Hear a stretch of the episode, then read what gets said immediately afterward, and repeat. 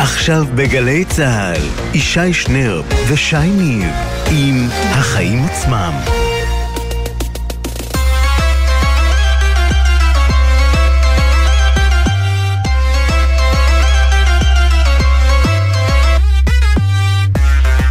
עכשיו שש וארבע דקות, אתם על החיים עצמם, התוכנית הכלכלית-חברתית של גלי צה"ל. באולפן שי ניב ולצידי ישי שנר. מה נשמע ישי?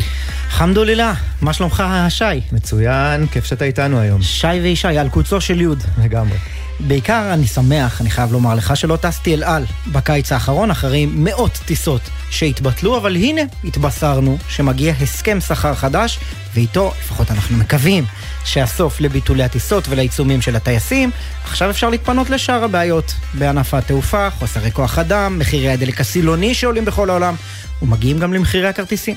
כן, אז אנחנו באמת נדבר על ההסכם החדש הזה עם אה, אבי אדרי מההסתדרות, אחד מאדריכלי ההסכם, וגם על עוד עניינים היום אה, בתוכנית, ככה נהיה עם ראול סרוגו, אה, נשיא התאחדות הקבלנים, על העימות מול שר השיכון אלקין, שנמשך בטונים גבוהים, אפילו צורמים.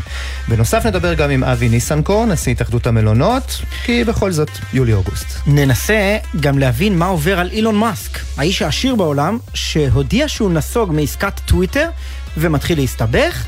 ונסיים עם כדורסל. אל דאגה, אנחנו לא נדווח על הרכש החדש של מכבי תל אביב, עידן קבלר לא נפלוש לך לתחום, אלא אנחנו ננסה להבין את השינוי שליגת העל בכדורסל מנסה להביא בדרך שבה היא תשדר את המשחקים, שהיא תהיה יותר זולה ונגישה לאוהדי הספורט הישראלים. כן, אז אה, כמו תמיד יש לנו הרבה מאוד להספיק, אבל קודם כל ישי, מה הכותרת שלך?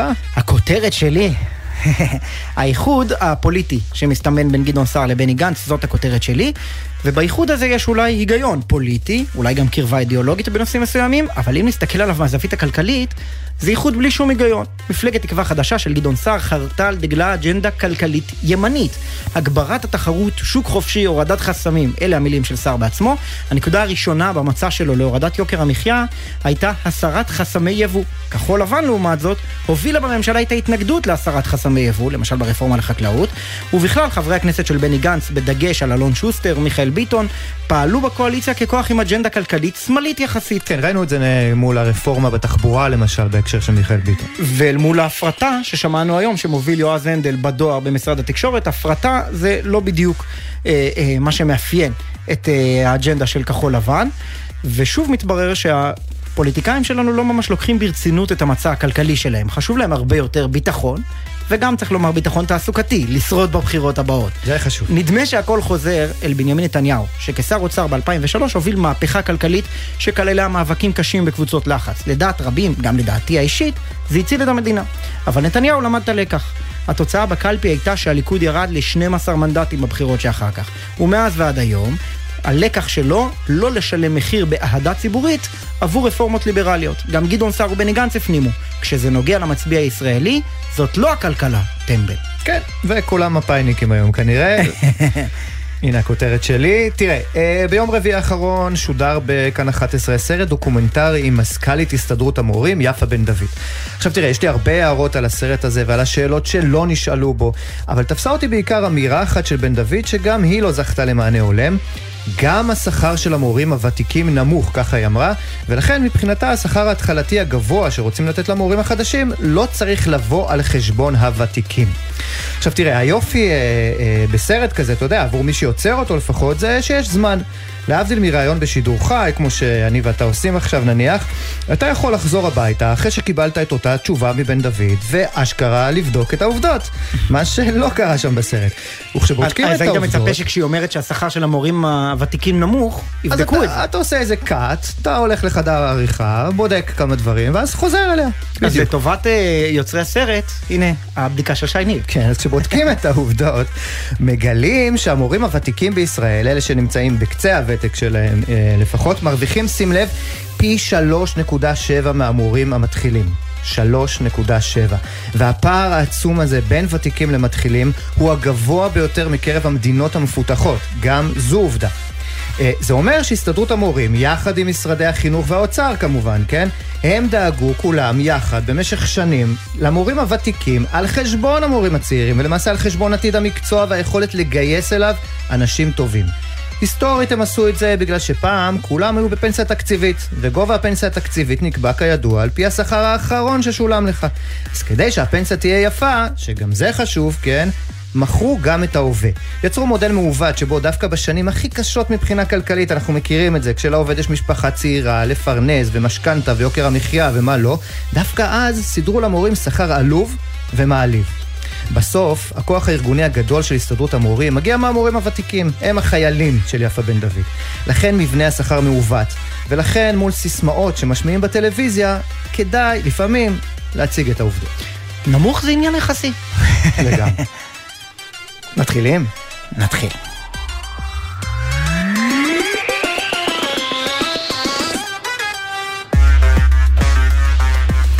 אתה יודע, שי, בזמן שמתעסקים באיכות החיים, אנחנו מתעסקים בחיים עצמם, כמו שאמר בנימין נתניהו, ובחיים עצמם, כל מי שטס אה, מהארץ, עבר בנתב"ג או טס אל על, אה, חווה חודש של סיוט בחודש האחרון, כן. עם אינסוף ביטולי טיסות, אנחנו מקווים שזה נגמר עם הסכם השכר החדש, שנחתם היום, לפני שעתיים, משהו כזה, ואיתנו עינב קרנר, כתבתנו לענייני תעופה עם הפרטים, שלום עינב, ערב טוב.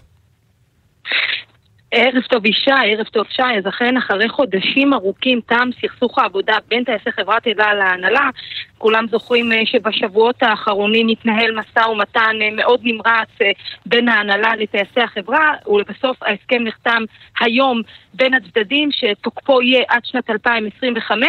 לפי ההסכם יבוטל הקיצוץ, אותה הפחתה של 35% בשכרם של הטייסים כפי שאירע בשנתיים האחרונות מאז פרוץ הקורונה, והוא ישוב לסכום טרם המשבר לפי אותו הסכם שנחתם עמם ב-2018, אבל השבת מלוא הסכום הסכום אה, תהיה בהדרגה אה, של מספר פעימות, וזה אמור לקרות אה, באופן מלא, זאת אומרת השבת מלוא הסכום עד תחילת 2023. מנגד, גם הטייסים ייאלצו להתקשר... אגב, תחילת 2023 במקום 2027, נכון? לא, עד 2020... לא? לא, לא, לא, ההסכם בכל מקרה הוא עד 2025. ההסכם כל כולו הוא יהיה עד 2025 לפי ההסכם המקורי שנחתם כן. בזמנו, אבל כרגע את, ה, את המספר פעימות האלה בעצם עושים אותם בהדרגה, לא מיידי. זה, הם, הם רצו בהתחלה שזה יהיה מיידי, כי הם, בוא נאמר, תראו, כבר שנתיים הם, אה, לא שנתיים, אבל לפחות בשנה האחרונה מרבית הטייסים חזרו לפעילות כמעט מלאה, גם מבחינת אה, אה, היקף הטיסות אה, באל על, ראינו שהיא חזרה להיקף אה, פעילות אה, מאוד אה, גבוה. והשכר שלהם אה, אה, נותר לפי מה שנקבע בתקופת הקורונה. אה, ולכן זה הנושא שייעשה בהדרגה, אבל יש עוד משהו שהטייסים יצטרכו לוותר בו, וזה כל הנושא של הסימולטורים. אם היום הם היו טסים לסימולטור בחו"ל ומקבלים כל מיני הטבות מסביב, גם יום חופש וגם להיות בחו"ל ולקבל את כל מה שמסביב, את הסימולטורים הם יבצעו בארץ, זה כחלק מההכשרות לטיסה במטוס הטריפל 7, הבואינג 777, זאת אומרת זה משהו שהם יעשו אותו פה, וללא ספק הסיפור הגדול של כל הדבר הזה זה באמת הנושא, כמו שאמר ישי בהתחלה, ביטולי הטיסות, מאות הביטולים שראינו בחודשים האחרונים, בהתראות קצרות גם של מספר שעות אה, לפני זהו, הטיסה. זהו, עינב, אפשר ו... לסמוך על ההסכם הזה שהוא ישים סוף למחלות המסתוריות שפוקדות את טייסינו שעתיים לפני טיסה פתאום? תראו, כנראה שכן, וזה בדיוק המשפט הבא שרציתי לומר לכם, גם אל על, גם ההנהלה וגם הטייסים, גם אל על וגם ההנהלה וגם הטייסים הבינו כעת שהם נמצאים בתקופה מאוד רעה מבחינת ההתנהלות שלהם. כשהביקוש מאוד מאוד גבוה, אנחנו נמצאים בשיא חופשת הקיץ, הם לא יכולים להמשיך להתנהל בצורה הזו, ושני הצדדים הבינו שכל אחד יצטרך לקחת אה, קצת אחורה. כולם תקווה שזה באמת יסתכם פה ו- ולא תהיינה עוד הפתעות, אבל בוא נאמר שלפחות בחודשיים הקרובים, עד סיום חופשת הקיץ, לא צפויות הפתעות, ואנחנו נראה את ה... חוץ מהפקקים שיש בנתב"ג, זה, זה לא ייפתר, זה, זה לא עדיין יימשך. זה לא ייפתר, והמזוודות, אבל... הבידוק הביטחוני, והמזווד... כן. בדיוק. אז הנה, אנחנו כן. רוצים להגיד שלום לאבי אדרי בעניין הזה, יושב ראש איגוד עובדי התחבורה אה, בהסתדרות, ולמעשה מאדריכלי ההסכם הזה. אהלן אבי. אבי אדרי, שומע אותנו? כן, כן, אני איתכם. חשבנו לרגע שגם טכנאינו הכריזו על מחלה. אפשר לסמוך, מי שרוצה לטוס בקרוב אה, לחו"ל באל על, יכול לסמוך על זה שלא תתבטל לו הטיסה, החל מהיום? אה, אני חושב שגם בעבר היה אפשר לסמוך על אל על. אל על היא חברת תעופה מצוינת. אל תשכחו לרגע שגם הטיסות יצרו מצב של... דרך אגב, אני שומע את עצמי באקו. או, אז טכנאינו באמת הכריזו על מחלה, מה אתה חושב? סתם. אנחנו תומכים בזכויות הטכנאים, וחס וחלילה אנחנו לא נכפיש את עבודתם בשידור, אה, אנחנו נטפל בזה מיד. אה, אבי אדרי, אבל תגיד רגע, הרי בביטולי טיסות, חברת אל על, היה בחודש האחרון, אני חושב, יותר, ממוצע של יותר מביטול אחד ליום. זה קו ישיר גם עם כמות עבודה שהייתה. הייתה כמות עבודה מטורפת. אני רוצה להזכיר לכם שבכל העולם היו ביטולים. בכל חברות התעופה הגדולות, לופטנזה, איפה שלא תבדקו היו ביטולי טיסות. שימו לב גם מה קורה בשדות התעופה, גם אצלנו מה קורה. אז אתה אומר לפחות, לפחות בכל מה שקשור ליחסי העבודה בחברה, זה לא יוליד לנו uh, כרגע ביטולים. ברור, ברור. אני חושב שיחסי העבודה עלו על uh, נתיב נכון. אני רוצה גם להגיד לכם שהחזרנו את השכר גם בארקיע וגם בישראל, ואין שום סיבה שטייסי אלה יוותרו מאחור. אז זהו, אז אתה יודע, השאלה אם לא, אם אין פה איזה ניסיון להחזיק את המקל בשני אה, קצות, קצות, קצותיו. כי אתה יודע, בתחילת אה, המשבר של הקורונה, בטח בזמן הסגרים הגדולים, אם היינו בתנאים, אה, בתנאי שוק אה, אה, מוחלטים, ללא הסכמים קיבוציים, ללא ההסתדרות פה בפינה של העובדים, אז אני מניח שלפחות 80% מהטי, מהטייסים של אל על היו הולכים הביתה. אבל אתם הגעתם אז אה, להסכם שמשאיר אותם במקום העבודה, אמנם אה, עם פגיעה מסוימת אה, אה, בשכר. אבל מצד שני, עכשיו כשאנחנו רואים את הביקושים אה, אה, אה, חוזרים וגועשים אפילו, אז היה פה ניסיון של הטייסים לקבל הרבה... מהר מאוד והרבה לפני המועד המקורי את השכר שהם קיבלו טרם הקורונה. והשאלה אם, לא, אם זה לא חורג מהאיזון הזה שניסיתם להגיע אליו אז. שהמדינה ניסתה לפחות.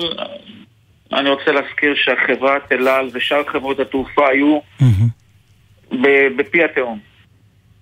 אה, אני רוצה להזכיר שאלעל הייתה פציעה מלהכריז על עצמה כפושטת רגל. לכן הצעדים שנעשו אז הם היו צעדים מאוד קיצוניים. אני רוצה להזכיר ש-2,300 עובדים עזבו את החברה. זה ליטרת הבשר, מצטער שאני משתמש במושג הזה, כן. שנתנו אנשי הקרקע. אז מבחינת הטייסים, הם נתנו את החלק שלהם באמצעות הפחתות שכר. כן. לכן כל אחד לא, את חלקו, אבל ששי, מה ששי מנסה לשאול, כמדומני, זה שאותה פשיטת רגל שכמעט על סף התהום, כפי שאמרת שאלעל הייתה, הייתה גם בגלל שאפילו לפני הקורונה, אלעל הייתה חברה מפסידה. ואחת הסיבות לזה, אה, זה הקשיים מול ועד הטייסים. והמדינה חילצה את אל על, השקענו כ- כמדינה, כחברה, מיליארד שקל כדי להציל את חברת אל על, והנה היום מחזירים את השכר של הטייסים, המופרז לדעת אה, הנהלת החברה, לרמות, ש- לרמות שהיו לפני הקורונה. למה זה פייר? קודם כל אני לא חושב ששכר הטייסים הוא מופרז, ואם יעשו השוואה למקומות אחרים בעולם, או אפילו לטייסים בארץ, שכר הטייסים באל על הוא שכר ראוי, אני לא חושב שיש פה איזושהי הגזמה. אני מסתכל לרגע שחברות התעופה כרגע נוסקות. כרגע הן עובדות. הן אפילו מתוכננות לכמה שנים קדימה. ובצפי לכמה שנים קדימה יש עבודה, יש עלייה, ודרך אגב, באלעל תמיד היו גלים. Mm-hmm. גל של עלייה וירידה, גל עלייה וירידה. מי שעקב אחרי החברה, היא הייתה לפעמים מצליחה ולפעמים מפסידה, אבל היא תמיד שרדה. אבי, תגידי, המדינה הייתה צד להסכם הזה הנוכחי? המדינה תמיד הייתה ברקע, כי המדינה אה, סייעה כלכלית לחברה. בדיוק, ובאמת אני, הסיוע אני... הכלכלי היה כנגד באמת אותה אה, תוכנית הבראה וגם כנגד אה, אה, אה, למעשה פיטורים של מעל אלפיים עובדים שאתה ציינת קודם, ולכן השאלה האם למדינה יש אולי איזושהי הסתייגות מההסכם הנוכחי, אתם קיבלתם את ברכתה? אני, אני אגיד לכם, אנחנו לא פעלנו מול המדינה, מי שפעלנו מול המדינה זאת החברה עצמה. עכשיו, אה, להגיד שהטייסים לא נתנו פה זו טעות. לא, אף אחד לא אומר שלא נתנו, אבל, אבל לפי, לפי מסמכים שהחברה הגישה לבית הדין האזורי לעבודה לפני שנתיים, השכר הממוצע של טייסים באל על הוא 95 אלף שקלים, ויש כאלה שאצלם זה 120 אלף שקלים ו-160 אלף שקלים. אני יודע שעוד מעט תגידי שזה לא נכון שהממוצע הוא 45 אלף, אבל גם זה לא רע במדינת ישראל של ימינו. ונשאלת השאלה, למה השכר צריך להמשיך להיות כל כך גבוה, אם אנחנו כמדינה השקענו מיליארד שקל ומצפים מהחברה להבריא? אה, קודם כל אני רוצה להזכיר שהחברה היא בבעלות פרטית והבעלים, מי שהשקיע באמת מיליארד שקלים זה אותו משקיע בשם קני ששם מיליארד שקלים בחברה, אוקיי? עכשיו הוא מאמין בחברה ובשורה התחתונה אנחנו גם צריכים להבין שמי שבאמת מטיס את המטוסים האלו זה טייסים. אי אפשר להשאיר את הטייסים הרחק מאחור בשכר שלהם לעומת החברים שלהם בישראל ובארקיע. זה טייסים שיש להם גם ביקוש אגב בכל העולם, גם את זה צריך להגיד, ובאמת ברור. בטח, בטח היום עם הביקושים של היום, אנחנו רואים שחוטפים אותם על אה, ימין אה, ועל שמאל, ועדיין אני אומר, היה הסכם שדיבר במקור על אה, החזרת השכר המקורי רק בשנת 2027, והיום מקדימים את זה ל-2023 אני מבין. אף אחד לא צפה את, את הבום שקורה עכשיו. יש כמו, כמו שאומרים baby boom. יש baby של טיסות. יש, יש טירוף של טיסות, העבודה חוזרת לקדמותה. ואי אפשר באווירה הזאת של פריחה mm-hmm. להשאיר את הטייסים מאחור וגם את העובדים מאחור. אני רוצה רגע להזכיר לכם שלדוגמה בארקיע הפחיתו גם שכר וגם פיטרו עובדים לכולם. כלומר, החברה הבינה שברגע שהיא חוזרת לנסוק, גם העובדים נוסקים תרתי משמע. או.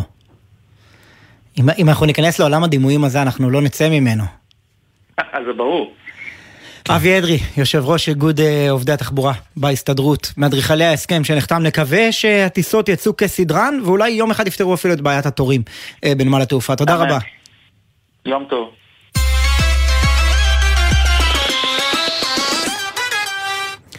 טוב, ויכוח עז אה, בין אה, שר השיכון אה, זאב אלקין לבין הקבלנים בראשות נשיא התאחדות הקבלנים ראול סרוגו. בסוף השבוע הזה אומר שר השיכון שבמילים כאלה ואחרות בעצם שהקבלנים גנבו במרכאות או לא במרכאות. את הרוכשים. משהו, את הרוכשים בסדר גודל של 100 עד 150 אלף שקלים לדירה, בכסף עודף למעשה שלא היו צריכים. כן, עכשיו זה סיפור סופר סבוך. אני אשמח שתסביר לי מה העניין. אה, אה, עבר חוק בכנסת שאומר שהקבלנים יכולים לגבות, להצמיד את המחיר למדד תשומות הבנייה, עוד מעט נבין מה זה בכלל, עד 40% משווי הדירה. מה זה אומר, ולמה זה כל כך מרגיז את הקבלנים, ולמה מה שעשו הקבלנים מרגיז את אלקין. זהו, זה אומר שהצמדה אה, למדד הזה שנקרא תשומות הבנייה, תהיה רק על החלק שבאמת אה, קשור לתשומות הבנייה, שזה אומר לצורך העניין אם הברזל אה, מתייקר או המלט, אז בעצם העלייה הזאת תשתקף גם בעלייה של מחיר הדירה אחרי שחתמת על חוזה. כלומר, יש בעיה, כי אני, אני חותם... ולא על מחיר הקרקע. אני, נניח שאני אחתום יום אחד, אה, אי אז בעתיד הלא אמין. על קניית דירה, מחזיק לך אצבע. על רכישת דירה, אז, אה, אז הבעיה היא שאני חותם היום, אבל מקבל את הדירה עוד שלוש שנים. והקבלן אומר, רגע, אם אני חתמתי איתך היום, אז בינתיים עלו לי מחירי התשומות, יקר יותר לבנות את הדירה. נכון. תייקר לי את ה... אני רוצה לקבל יותר כסף. וצריך לומר, זה לא הקבלן אומר, כי המדינה הרשתה שזה יקרה. כלומר, הקבלן עושה משהו ב- ב- ברשות. כן. עכשיו באה המדינה ו... משנה את הכללים.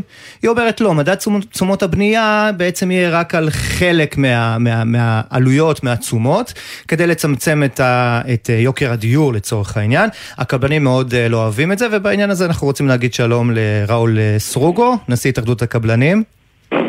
ערב טוב, שי אני... וישי. ערב טוב. אני מניח שמאוד לא אהבת את מה ששר השיכון אה, אמר בסוף השבוע הזה, ולא רק בסוף השבוע הזה, צריך לומר. נכון, במיוחד מה שפורסם היום בדה מרקר. אז בוא חכה, לפני דה מרקר אני... בוא, בוא תשמע אותו אצלנו. אה, שר השיכון אה, זאב אלקין, מתוך ראיון כאן בגלי צה"ל, תשמע ותגיב. עד היום היה עיוות וחוסר צדק. הקבלנים הצמידו את כל מחיר הדירה למדד תשומות הבנייה, רווח של uh, מאות אלפי שקלים לפעמים על חשבון הקונה. הייתה מלחמה לא, לא פשוטה, התאגדות הקבלנים ניהלו נגדי קמפיין אישי של מודעות ואיימו עליי. צלחנו את הכל, עכשיו הם יוצאים נגדנו בקרב איומים של לפנות לבג"ץ. הזיזו לכם את הגבינה, ראול סרוגו. אני מאוד מתפלא על האמירות חסרות האחריות של אה, אלקין. הוא אומר שאנחנו איימנו עליו, אנחנו מסוגלים לאיים על שר במדינת ישראל? בואו אני אחדש לכם, הוא זה שאיים עלינו. הוא זה שהלך עלינו אימים שאם אנחנו נתנגד לחוק אז הוא יפיל עלינו גזרות נוספות. אה, הוא כנראה מבוהל מההשפעות השליליות שהחוק הזה גורם, ולכן הוא עכשיו אה, יוצא עלינו בצורה חסרת תקדים. אני לא זוכר דבר כזה. מה שהוא עובר עליו, אולי זה הבחירות, אין לי מושג מה. אנחנו התרענו מראש שהביטול של ההצמדה... למה היינו מקום שביעי כנראה ברשימה המאוחדת עם כחול לבן. אלא אם אייזנקוט יצטרף. יכול להיות, יכול להיות, אולי הוא צפה את זה מראש, הוא הולך אחורה למקום שבע והוא הולך ויוצא בכל מיני אמירות פופוליסטיות חסרות אחריות. הוא מדבר על זה שהקבלנים הם חזירים? אנחנו החזירים? אנחנו שבונים את המדינה הזאת? מדובר פה במלח הארץ. על מה הוא מדבר בכלל? אנחנו נרתמים תחת האלונקה ואנחנו בונים את המדינה, בונים את הפרויקטים שלו שהוא מתיימר לעזור והוא לא עושה את זה, הוא לא מצליח להוריד את מחירי הדירות, אז הוא, הוא, הוא, הוא פונה אלינו בחזירות. זה פשוט בושה וחרפה. בוא נסביר את ההירתמות שלכם מתחת לאלונקה, כללה עלייה של 2 עד 8 אחוזים במחיר הדירה בעקבות החוק הזה. כלומר, העליתם את המחירים. העליתם, אני אומר, הקבלנים, לא אתה באופן אישי. הקבלנים העלו את המחיר מכיוון שגרמו להם להגדלת הסיכון וחסרון כיס. זאת הסיבה ואנחנו התרענו על זה מראש. תבינו, כאשר אתה קונה מוצר ומשלם אותו בפריסה לשלוש שנים. אתה מכיר משהו שהוא לא צמוד? שאתה קונה רכב, או אתה קונה משהו אחר, לא רק בארץ, בכל העולם. מצמידים על מנת, לש... אה, על מנת לשמר את ערך הכסף. כשדייר קונה אצלי דירה, נניח בשני מיליון שקל בתאריך מסוים, אני רוצה לקבל שני מיליון שקל בתשלומים העתידיים שלו. עכשיו, ברור... לא, אבל הזכרת, הזכרת רכב, אתה יודע, ברור, אם אני רגע, נכנס, רגע, אם רגע, יום רגע, אחד רגע, יתמזל מזלי להיכנס לסוכנות אה, רכב ולקנות משהו ככה מהניילון, מה שנקרא, אז okay. אוקיי. המספר שיהיה כתוב על החוזה, זה יהיה גם המספר הסופי, לא יצמידו את זה לא, למחירי הברזל. ממש לא, אם אתה עכשיו משלם ב-36 תשלומים, לא תשלם ריבית? כן, אבל רגע, המדינה באה ואמרה לכם, עד 40 אחוז, כלומר, החלק של הקרקע למשל, או החלק של השיווק, לא רלוונטי החלק של הקרקע, כי מחיר הקרקע... שיעלה כמו מדד מחירי התשומות, רק על תשומות תעלה לנו, למה אתה מייקר לנו את כל המאה אחוז? שנייה, אני חוזר ואומר, בוא נתחיל מזה שמדינת ישראל, על כל דבר שאני משלם למדינה, היא מצמידה את זה. אם אני משלם על הקרקע, או על הוצאות הפיתוח, או על, אה, אה, היטלי השבחה, הוצאות שהמדינה שילמה מזמן, היא מפילה עליי הפרשי הצמדה. כשזה נוגע אליה, אין בעיה עם ההצמדה. עכשיו, שוב, אני חוזר על זה. מטרת ההצמדה זה לשמור על ערך הכסף. זה הכל. ברגע שעכשיו קובעים לנו שרק 40% יהיה צמוד, אז זה יגרום לעליית מחיר מכיוון שזה מגדיל את החשיפה והסיכון שלנו. כשאנחנו מקבלים 2 מיליון שקל בפריסה לשלוש שנים, הערך הנוכחי של הכסף הזה הוא יותר נמוך, זה הכל, זה כלל בסיסי בכלכלה. לא, אבל, אבל ולכן, תסביר לי, תסביר לי, באמת, אני שואל שאלת ידיעות, אה, ראול סרוגו, אני באמת מנסה להבין. אתה מוכר דירה שעולה 2 מיליון שקל. הבעיה שאתה תבנה אותה עד שתסיים את בנייתה, יעברו שלוש שנים, והשני מיליון שקל של היום שווים פחות בעוד שלוש שנים. וגם התשומות עולות. אבל באה המדינה ואומרת, אל תייקר לי את, את ה... לפי מדד התשומות, אל תצמיד למדד התשומות את כל השני מיליון, תצמיד 800 אלף, שזה עלות הבנייה בפועל, ששם התשומות שלך התייקרו. למה זה לא הוגן? אני אגיד, אני אסביר לך למה. כי גם הקרקע שאני קניתי אותה, אני משלם עליה בתשלומים, ולפעמים גם אני משלם על זה ריבית, בפריסה גם כן גדולה. זה דבר אחד. דבר שני, הקרקע הבאה שאני ארכוש, מחירה עולה כל הזמן בחסות המדינה. המדינה מספסרת בקרקע ומעלה את מחירה. עד השני מיליון שקיבלתי אבל... עכשיו לא יספיק לי לרכישת הקרקע הבאה. אבל א', במחיר למשתכן כבר כמה שנים המדינה לא מספסרת בקרקע. בוא נדבר על הגינות, בוא נדבר על הגינות. כן. כשאני מכרתי דירה בשני מיליון שקל, בשנה שעברה, מחירי הדירות השנה עלו בכמה? ב-20 אחוז, נכון? לא, לא, ב-20% מחירי הדירות החדשות. ב-20%. שנה אומרת, האחרונה הייתה עלייה של 15.4. תקשיב למה שאני אומר. מחירי הדירות החדשות עלו ב-20%. הסך הכל, כולל יד שנייה, עלה ב-16. אבל גם אם זה 16%. אוקיי. אז המחיר הדירה, הדירה בעצם עלתה מ-2 מיליון שקל ל-2 מיליון 300. 300 ומה? נכון? נו. זאת אומרת, הדייר. אני מתחיל לרחם על הקבלנים, אה, ראול סרוגו. לא, לא צריך לרחם על הקבלנים, אבל הדייר נהנה מעליית מחירי הדירה, בסך הכל שילם את מרכיב של תשומות הבנייה שהוא שישה אחוז. אז, אז אתה יודע מה, בוא נדבר על שינוי אחר שנעשה. עד היום הקבלנים אה, אה, בעצם חייבו אותנו הרוכשים לשלם אה, גם את החלק של העורך דין שלך, הקבלן. למה בעצם? זה לא אותה חזירות שמדבר עליה שר השיכון. ממש לא, אני מוחה על המושג הזה חזירות, שאתה שומע ברדיו או בעיתונים שחברת הייטק מכרה את החברה ב-300 מיליון שקל, 400 מיליון שקל, מיליארד שקל, כולכם עומדים ומוחאים כפיים. שהקבלן מרוויח זה חזירות. אז בואו נפסיק עם המושגים האלה, כי זה לא מקובל עליי. אחד. שניים, בעבר אה, אה, שכר הטרחה של עורך הדין, שהדייר שילם לעורך דין, נכון של הקבלן, אבל הוא מטפל במגרש וברישום הבית המשותף, עושה עוד מטלות, שילם אחוז וחצי. ובזמנו שטרית ביטל את החוק הזה, ועל מנת לא להגיע למצב שאין מחויבות בכלל של עורך הדין של הקבלן לדייר, השאירו את זה 5,000 שקל בלבד, למרות שזה היה הרבה יותר לפני כן. המטרה היא שיהיה אה, יריבות, מה שנקרא, בין העורך דין של הקבלן לבין אה, רוכש הדירה, שהוא יהיה מחויב לו, ולכן השאירו את ה-5,000, והראיה היא שגם בחוק הזה, הראיה שגם בחוק הזה אה, אה, זה לא תוקן. כן, טוב, מצלצלים אליך שם, אז אנחנו אה, ניפרד לא, לא, בשלב לא, הזה. ראול סרוגו. בסדר, זמננו תם בכל מקרה, נכנסנו ככה לפרטי הפרטים של התקנונים. אני חושב ש... אני הייתי רוצה, שנייה, שנייה, חברים. עשינו את שלנו, משפט סיום. משפט סיום. תראו, הממשלה לא מצליחה לפתור את משבר הדיור ולהוריד מחירי הדירות. לא זאת הדרך. לא זאת הדרך בשיטת ההגרלות. ובשיטה של uh, המרבה במחיר על הקרקע. אנחנו הצענו למדינה עסקת חבילה, שבה התחייבנו, אנחנו הקבלנים, להקפיא את מחירי הדירות. המדינה uh, uh, תשלם כסף לרשויות המקומיות ותמכור לנו את הקרקע במחירים uh, סבירים של הקרקע ולא בספסור ובמרבה במחיר. זאת הדרך, אנחנו צריכים להגדיל את ההיצע של הדירות. עכשיו, אנחנו הקבלנים צריכים להיות הצבא של המדינה. זה כמו ששר הביטחון לא יצא נגד אה, אה, צה"ל או שר הביטחון פנים לא יצא דרך המשטרה. כן. שר השיכון לא יכול לצאת נגד הקבלנים, כי אנחנו אלה, אנחנו השותפים שלו לפתור את משבר הדיור. ראול ולכן, סרוגו. אני מקווה שהוא ייקח את הדברים שלו בחזרה. ראול סרוגו, נשיא התאחדות בוני הארץ, תודה רבה לך. בבקשה. כל הסיפור הזה, שי, מזכיר לי את אפקט הקוברה המפורסם, שהבריטים ניסו אה, לפתור את בעיית נחשי הקוברה בהודו, אז הם הציעו כסף למי שיצוד קוברה, בפועל מה קרה? גדלו מספר הקוברות, כי אנשים גידלו קוברות בבית כדי להביא אותם ולקבל כסף. יפה. המדינה מנסה אה, להפחית לנו את מחירי הדיור, ובפועל העבירה חוק שגרם לקבלנים להעלות את המחיר. כן. דרור מרמור, סגן אה, עורכת גלובס, מה שלומך?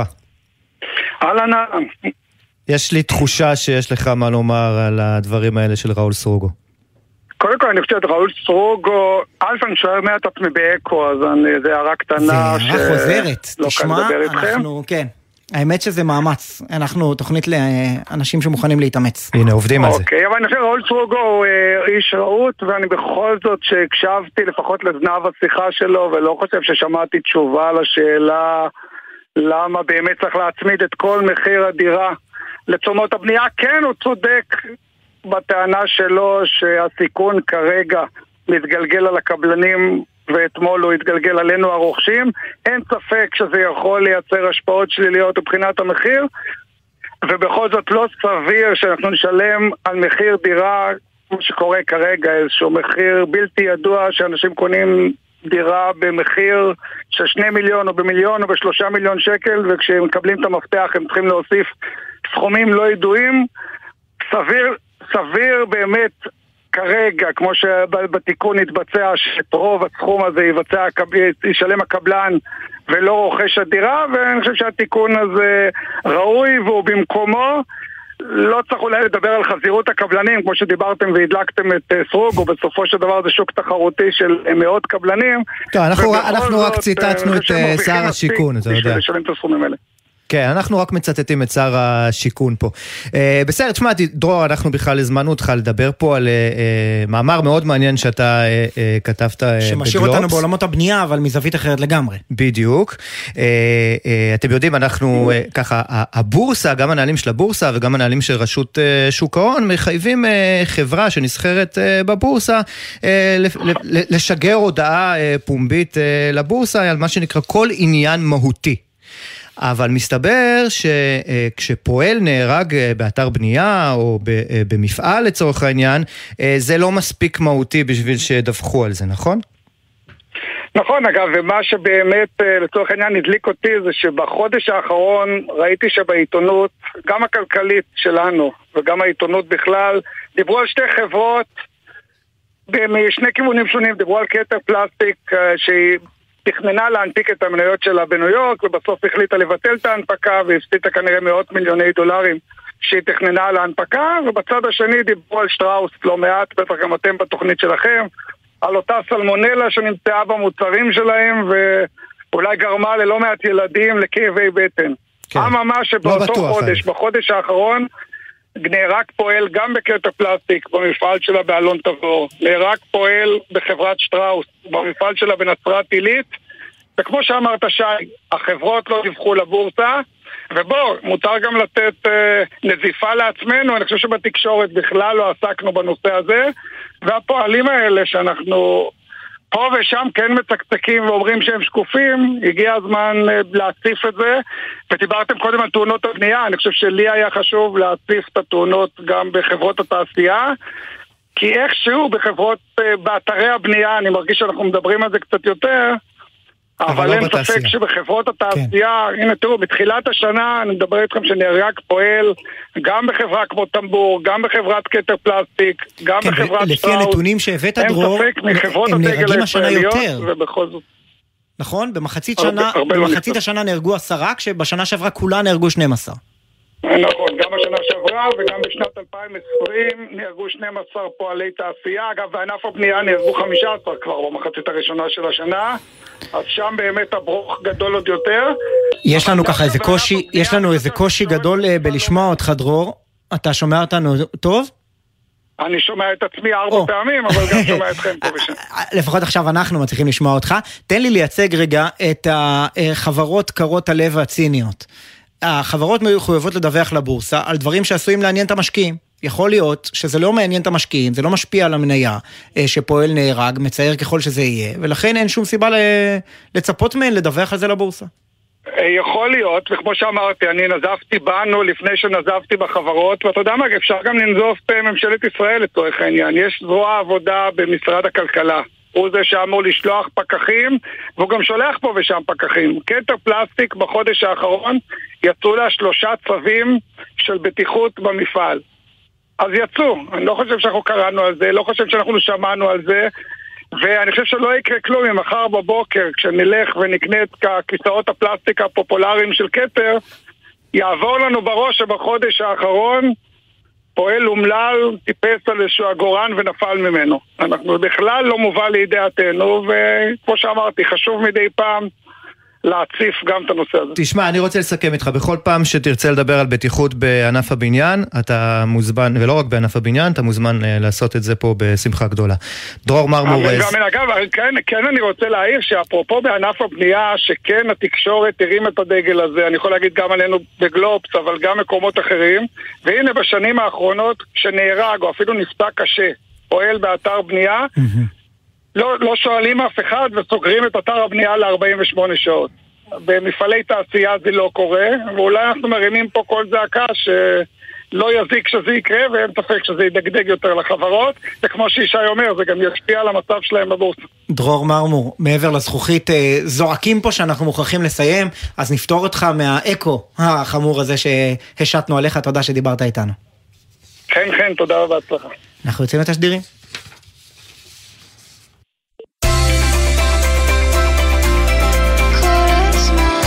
גלי צה"ל, יותר מ-70 שנות שידור ציבורי.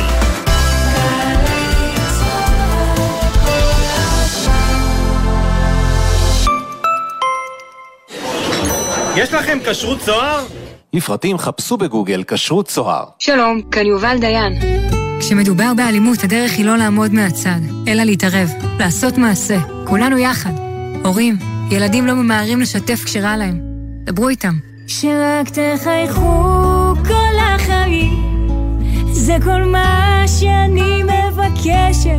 גם בחופש הגדול באים בטוב, לא מרימים ידיים. פרטים באתר משרד החינוך.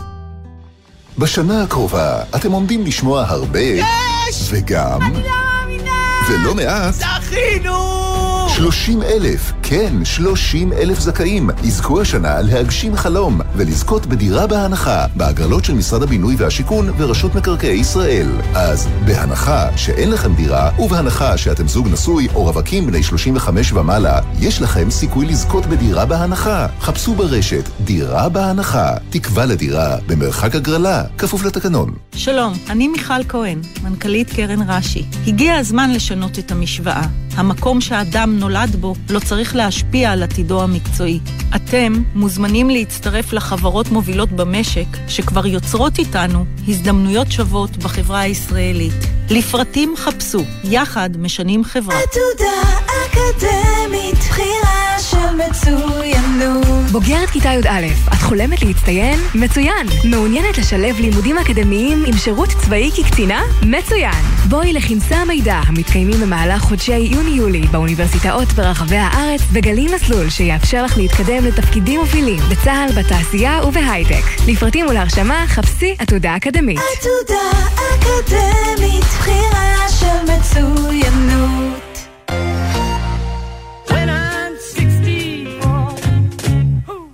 כבר מזמן לא 64. פול מקארטני חוגג 80. עמית קלדרון, בסדרת תוכניות על אחד היוצרים ששינו את עולם המוזיקה, עם פינות מיוחדות, ראיונות עם אומנים שהושפעו ממנו, ומיטב הלעיתים מ-60 שנות יצירה. חוגגים 80 לפול מקארטני. עכשיו, באתר וביישומון גלי צה"ל, ובכל מקום שאתם מאזינים להסכתים שלכם. עכשיו בגלי צה"ל, ישי שנרב ושי ניב עם החיים עצמם. שי, חזרנו אה, לעוד אה, חצי שעה של החיים עצמם, ואנחנו אה, רוצים לעסוק בהחלטת ממשלה מעניינת. אה, נפתחה הקצאה ל-500 עובדים ירדנים נוספים לענף המלונאות, לשמחתם של בעלי המלונות, ומי שמייצג אותם הוא נשיא התאחדות המלונאים כיום, אבי ניסנקורן, שלום, ערב טוב. שלום, ערב טוב. מתי זה קורה בפועל? אה, הם אמורים להגיע עד הראשון לאוגוסט. זה אמור אה, לייצר קצת את הבעיה של כוח אדם באילת. יש לנו גם הקצאה של אה, אלפיים עובדים פיליפינים, שמהם הגיעו כבר כ-400 איש.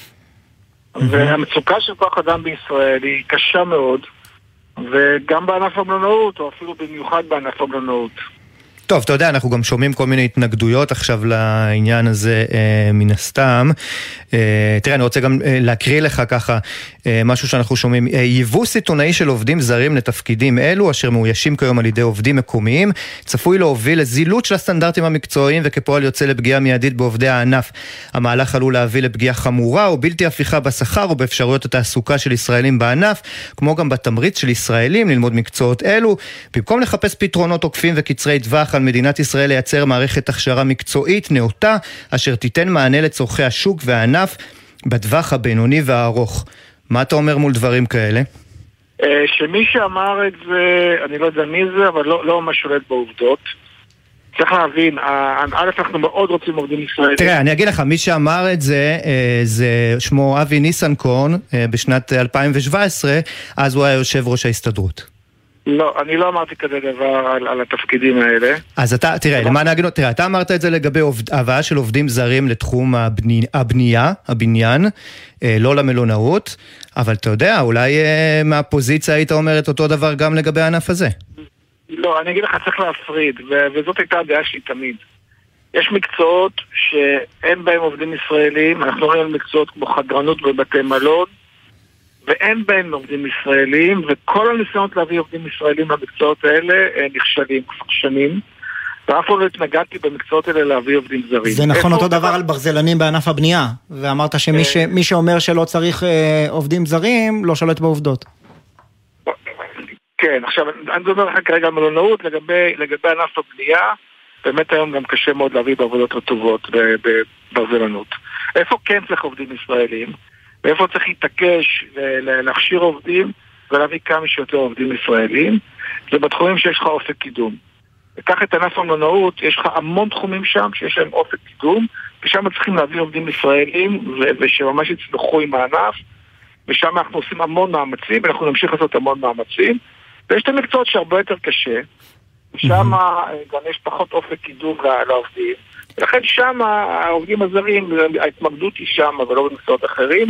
קח את אילת גם כדוגמה, עם כל הניסיונות להביא עובדים ישראלים לעבוד בחדרנות באילת, כולם נכשלים. המדינה התנתה את המהלך הזה באיזשהו משהו שאתם צריכים לתת מצדכם, למשל להציג מחירים שפויים יותר במלונות?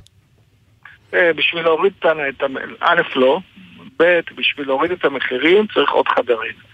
אנחנו מאוד מאוד רוצים שתהיה מדיניות של אה, מסלול ירוק לבניית עוד חדרים ועוד בתי מלון.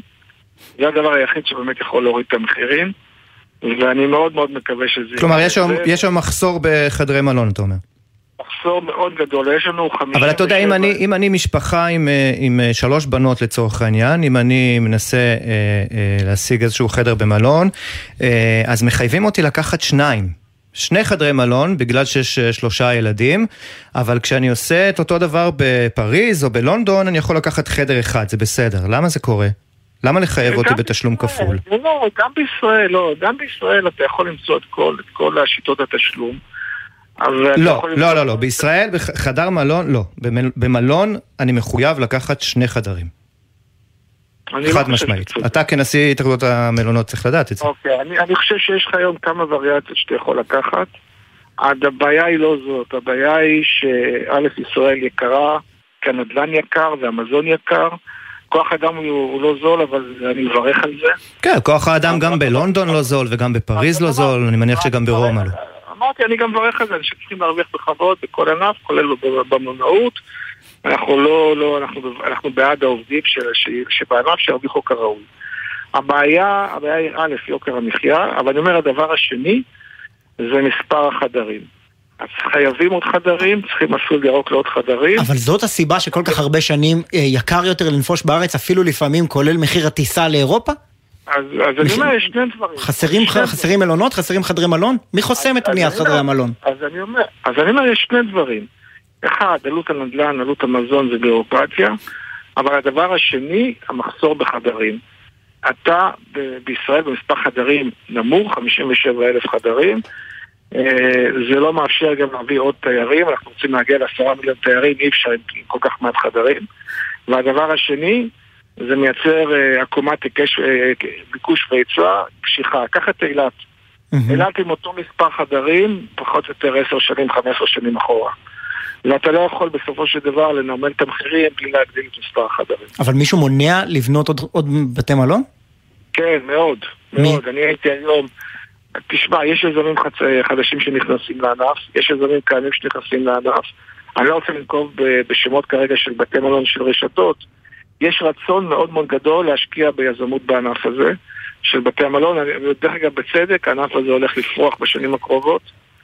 אה, שנת 22 תהיה טובה, שנת 23 יכולה... אולי תצליחו לצמצם את התורים בנתב"ג אם תהיו אטרקטיביים, אבל כרגע החופשה בארץ לא אטרקטיבית עבור הישראלי ממוצע, שיש לו תקציב לחופשה חד שנתית לא גבוה, בקיץ עם הילדים, והוא רוצה לעשות את זה במחיר שפוי גם לקבל תמורה הוגנת.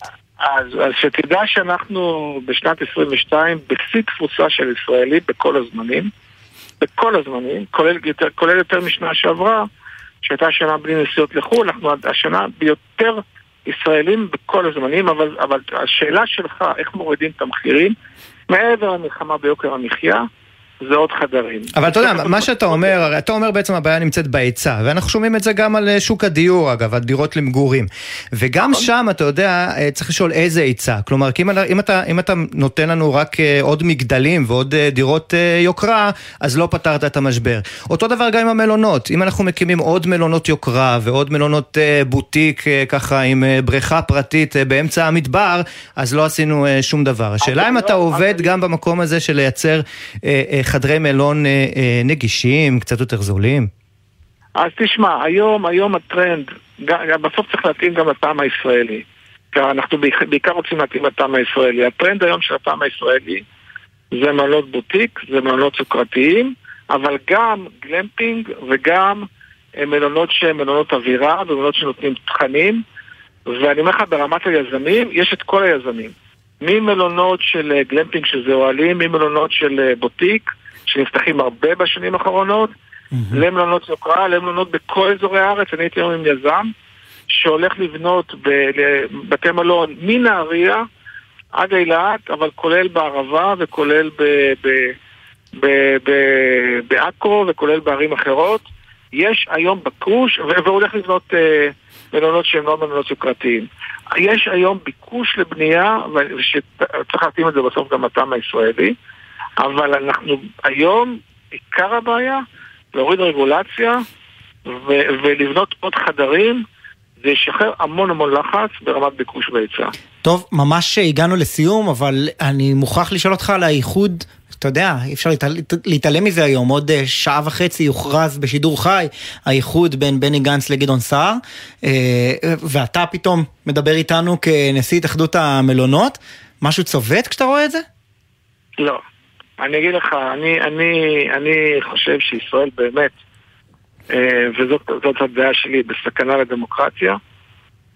כל מה שיביא את המחנה שנלחם בסכנה לדמוקרטיה למניעת עיבוד קולות זה דבר רצוי. תשמע, אתה מכיר את uh, בני גנץ uh, די, די מקרוב, הוא הולך להיות ראש ממשלה? מתישהו? אני לא רוצה להיכנס לזה, אני לא, זה כבר, uh, אני אומר לך במישור העקרוני, כל מה שימנע עיבוד קולות של המחנה שנלחם בפגיעה בדמוקרטיה, זה דבר רצוי. אבי ניסנקורן, נשיא התאחדות המלונות. אה, ניפגש בנופש הבא, תודה רבה. תודה, ערב טוב.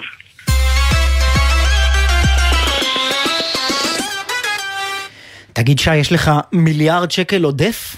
וואה, מה שאני אעשה מיליארד שקל עודף. אה, לא, הפעם לא. כי אחד שיש לו, זה האיש העשיר בעולם, אילון מאסק, והוא ככה משחק. אז כולנו סיקרנו בהרחבה את ההחלטה שלו לרכוש את רשת החברתית טוויטר ב-44 מיליארד שקלים. כן. עכשיו פתאום הוא חוזר בו, אומרים שאולי ישלם קנס של מיליארד שקל. בעבר הוא עשה את זה עם כל מיני השתעשעויות בכל מיני אמירות שכבר uh, גרמו לו לשלם קנסות של 20 מיליון, אבל זה בשבילו... כסף קטן. בדיוק, זה ככה מה, מהקצה של הארנק. זה הדמי כיס. בוא נצרף אלינו את ויקי אוסלנדר מכלכליסט, ערב טוב, ויקי. ערב טוב. תסבירי את העניין הזה עם אה, אילון מאסק וטוויטר, מה, מה הוא רוצה? אה, הוא רוצה לחזור בו, וזה לא מיליארד שקל, זה מיליארד דולר. אה, דולר כמובן, בשקלים האמריקאים פחות. מחייבים קנסות. כן, והוא החליט באמצעות העורך דין שלו לעשות את מה שהרבה כבר חשבו שיקרה, ולחזור בו מהעסקה שכבר הייתה חתומה. הוא חתם על הסכם מחייב לרכוש את אה, טוויטר תמורת בערך 44 מיליארד דולר, והוא כרגע אומר שהוא לא רוצה להמשיך עם העסקה. וזה כי ב, ב, ככה ב-due diligence, מה שנקרא, בגילוי הפרטים של העסקה, הוא מצא איזה משהו יוצא דופן אה, בהתנהלות של טוויטר, או שהוא פשוט הבין שהוא קונה ביוקר? זאת שאלה ממש טובה. דבר ראשון, הוא לא עשה due diligence, הוא, הוא לא עשה, אוקיי. על זה, בת... הוא לא עשה, הוא ויתר על זה בהתחלה, הוא כן ביקש uh, בהסכם, בהסכם שהוא חתם עם, טוויטר, הוא כן, uh, יש הבנה ביניהם ש... הוא יבקש אה, מידע מסוים והטוויטר תהיה מחויבת אה, לתת אותו, ואכן בשבועות שעברו מאז שנחתם ההסכם הוא ביקש עוד ועוד מידע. טוויטר לכאורה, ממה שאנחנו יודעים, אה, נהנתה לכל הדרישות שלו. זה לא סיפק אותו, הוא טוען לתחושתו, לפי המתודולוגיה שהוא חושב שהיא נכונה, שיש בטוויטר יותר מ-5% תעבורה שהיא איננה תעבורה אנושית, זאת אומרת בוטים, ובגלל שהוא מאמין שטוויטר ככל הנראה לא אמרה את האמת, באמת אה, לרשות ניירות הערך במשך השנים שהיא הייתה חברה ציבורית. אה, לא אומרת את האמת, יש לה יותר בוטים ולכן הוא לא רוצה לרכוש רגע, את החברה. רגע, מעניין. טוויטר במשך שנים טענה שלא יותר מחמישה אחוז מהמשתמשים שלה הם בוטים, כלומר אין מאחוריהם אדם אנושי. אגב, אילון מאסק בעצמו נכון. טען פעם שאולי לא אנושי, אה, אבל, והוא, לפי המידע שהוא קיבל מהם, הוא אומר זה לא נכון, או שזה סתם תירוץ שהוא מביא? זאת באמת שאלת השאלות, כולנו מנסים לפענח מה האינטרס שלו. יש כאלה שיגידו לך שמלכתחילה הוא לא רצה לקנות את החברה הזאת, וכל זה אה, סיבוב גדול שהוא עשה רק כדי למכור מניות טסלה מבלי לעשות אה, רעש יותר מדי גדול. חלק מהאנשים יגידו שהוא רצה לקנות את טוויטר, אבל אז היו את הנפילות הגדולות בשווקים, והוא בעצם מבין שהוא חתם על עסקה מאוד גרועה, ומשלם יותר מדי על מוצר שלא שווה כל כך הרבה. כן, והתחושה היא שיש פה יותר... ש... יש פה יותר פסיכולוגיה מכלכלה, נכון?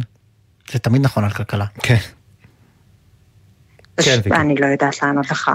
אילון מאסק הוא, הוא באמת אה, אדם כל כך גחמתי, אה, כל כך אה, לא יציב, לא, לא מכבד הסכמים, שאי אפשר להבין באמת מה עומד מאחורי מה שקורה כאן. מה שבטוח כן. שבסדר זה לא, זה ממש קטסטרופה, לא עושים דברים כאלו.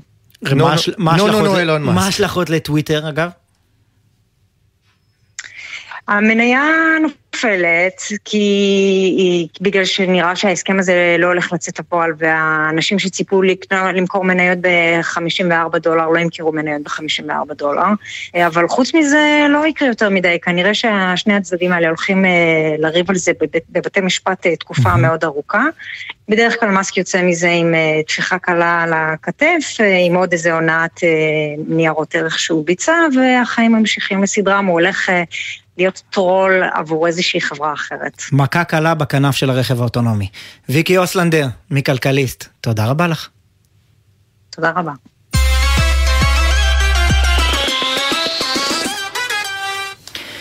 טוב, אה, הגענו ככה לדקות הסיום, ואנחנו רוצים להתייחס לשינוי גדול שמבטיחה ליגת העל בכדורסל. במקום שתצפו בשידורים של משחקי הכדורסל דרך ערוצי הטלוויזיה שמשפיעים על התאריכים שבהם קורים המשחקים, ישדרו לכם ישירות במנוי אינטרנטי. אה, כמו אה, להיות מנוי לאחד משירותי הסטרימינג. כמו משהו שצריך לקרות ב-2022 אולי. אולי ב-2018 ככה צריך לקרות. ככה אומרים. שלומי פרי, מנכ"ל מנהלת הליגה בכדורסל, שלום ערב טוב. שלום לכם, ואם אילון מאסק מאוכזב מטוויטר, הוא מוזמן לקנות את ליגת העל בכדורסל, אנחנו נשמח. מי היום הספונסר? היום הווינר הוא הספונסר הראשי. נו, זה... ווינר, טסלה, כן. פוטטו, פוטטו. תסביר את השינוי בטלוויזיה, בשידורים, איך זה ישפיע. אה, זה דבר שאנחנו חושבים עליו הרבה שנים, ואנחנו חושבים שעכשיו שהסתיים ההסכם עם הזכיין שלנו, זאת הזדמנות פז לעשות את זה. אה, אנחנו אה, הרגשנו במשך השנים ש... השליטה בשעות, בימים, באורך השידור, היא, היא, איבדנו אותה, ואנחנו נאלצים להתמודד עם כל מיני אילוצים שהם אה, לא תמיד uh, מתאימים לנו. Uh, בנוסף, הגענו למסקנה שהמון המון אנשים לא יכולים לראות כדורסל כי אין להם כבלים. כי הדור הזה, הדור הזה לא נמצא מול הטלוויזיה על הספה, נכון? אלא מול הלפטופ, מול הנייד. שלי ארבעה ילדים לא מגיעים לטלוויזיה בכלל. ואנחנו חושבים שאם... פתרנו את הבעיה הגדולה בחינוך ילדים של שנות ה-80, אבל אה, אה, נוצרו בעיות חדשות. אה, אני רק חייב לשאול, זה אומר שהמשחקים לא יהיו נגישים בכלל בטלוויזיה? רק במחשב? יכול להיות שהמשחק המרכזי יהיה בטלוויזיה, אבל המשחקים האחרים יהיו, יהיו בטלוויזיה החכמות כמובן, באפליקציות של הטלוויזיות החכמות, אבל גם במחשב ובסלולר. ולמה בעצם שזה יעזור לכם להשפיע על השעות? הרי גם אתם תרצו לא לקבוע את זה, כמו שערוץ טלוויזיה לא רוצה לקבוע את זה על, על משחק גדול אחר, או על יום גדול ב... ב... גם אתם תרצו למקסם את הצופים. כן, אבל uh, אתה יודע, ב- ב- יש הבדל גדול כשאתה רוצה להביא ילדים למשחק, אני למשל לא יכול להביא את הילדים שלי למשחקים בשעה תשע. זה שעה שהטלוויזיה אוהבת, שעת הפריים טיים. אבל אנחנו, אה, אה, אתה יודע, נביא את, נביא את השידורים לשעה שמונה, שמונה וחצי. אני חושב שכל קבוצה בליגה תבין ישר את היתרון שבזה, כי... כי בשעה תשע מאוד מאוד קשה, בשעה שמונה אתה יכול להביא עוד חמש מאות, עוד אלף צופים. כן, ואתה גם תביא הרבה מאוד אנשים בתיאט, בתיאטרון ובמופעים אה, אה, עם הלפטופ או עם הנייד, רואים את המשחק כדורסל נכון. בזמן... כן. שלומי פרי, מנכ"ל מנהלת הליגה בכדורסל, תודה רבה שהיית איתנו. ונגיד תודה לעורך שלנו בנצר, למפיקים, ישראל פלד, תומר ברקאי, מיה שוקן, טכנאי השידור תומר רוזנצוויג. תודה רבה לישי שנר. תודה רבה לשי ניב, גם למיה אורן, בדיגיטל להתראות. ערב טוב שיהיה לכם. בחסות מחסני חשמל, המשווקת מזגנים עיליים, מזגנים מיני מרכזיים, מזגנים ניידים, ומעניקה חמש שנות אחריות על התקנת מזגנים. בחסות סופרלנד, המזמין אתכם לבילוי משפחתי בקיץ בכל המתקנים! סופרלנד! בחסות אוטודיפו, המציעה מצברי ורטה לרכב, כולל התקנה חינם, עד תשע בערב. כי אם יש משהו יותר מעצבן מלהיתקע בפקק, זה להיתקע בחנייה. אוטודיפו. גלי צה"ל, יותר מ-70 שנות שידור ציבורי.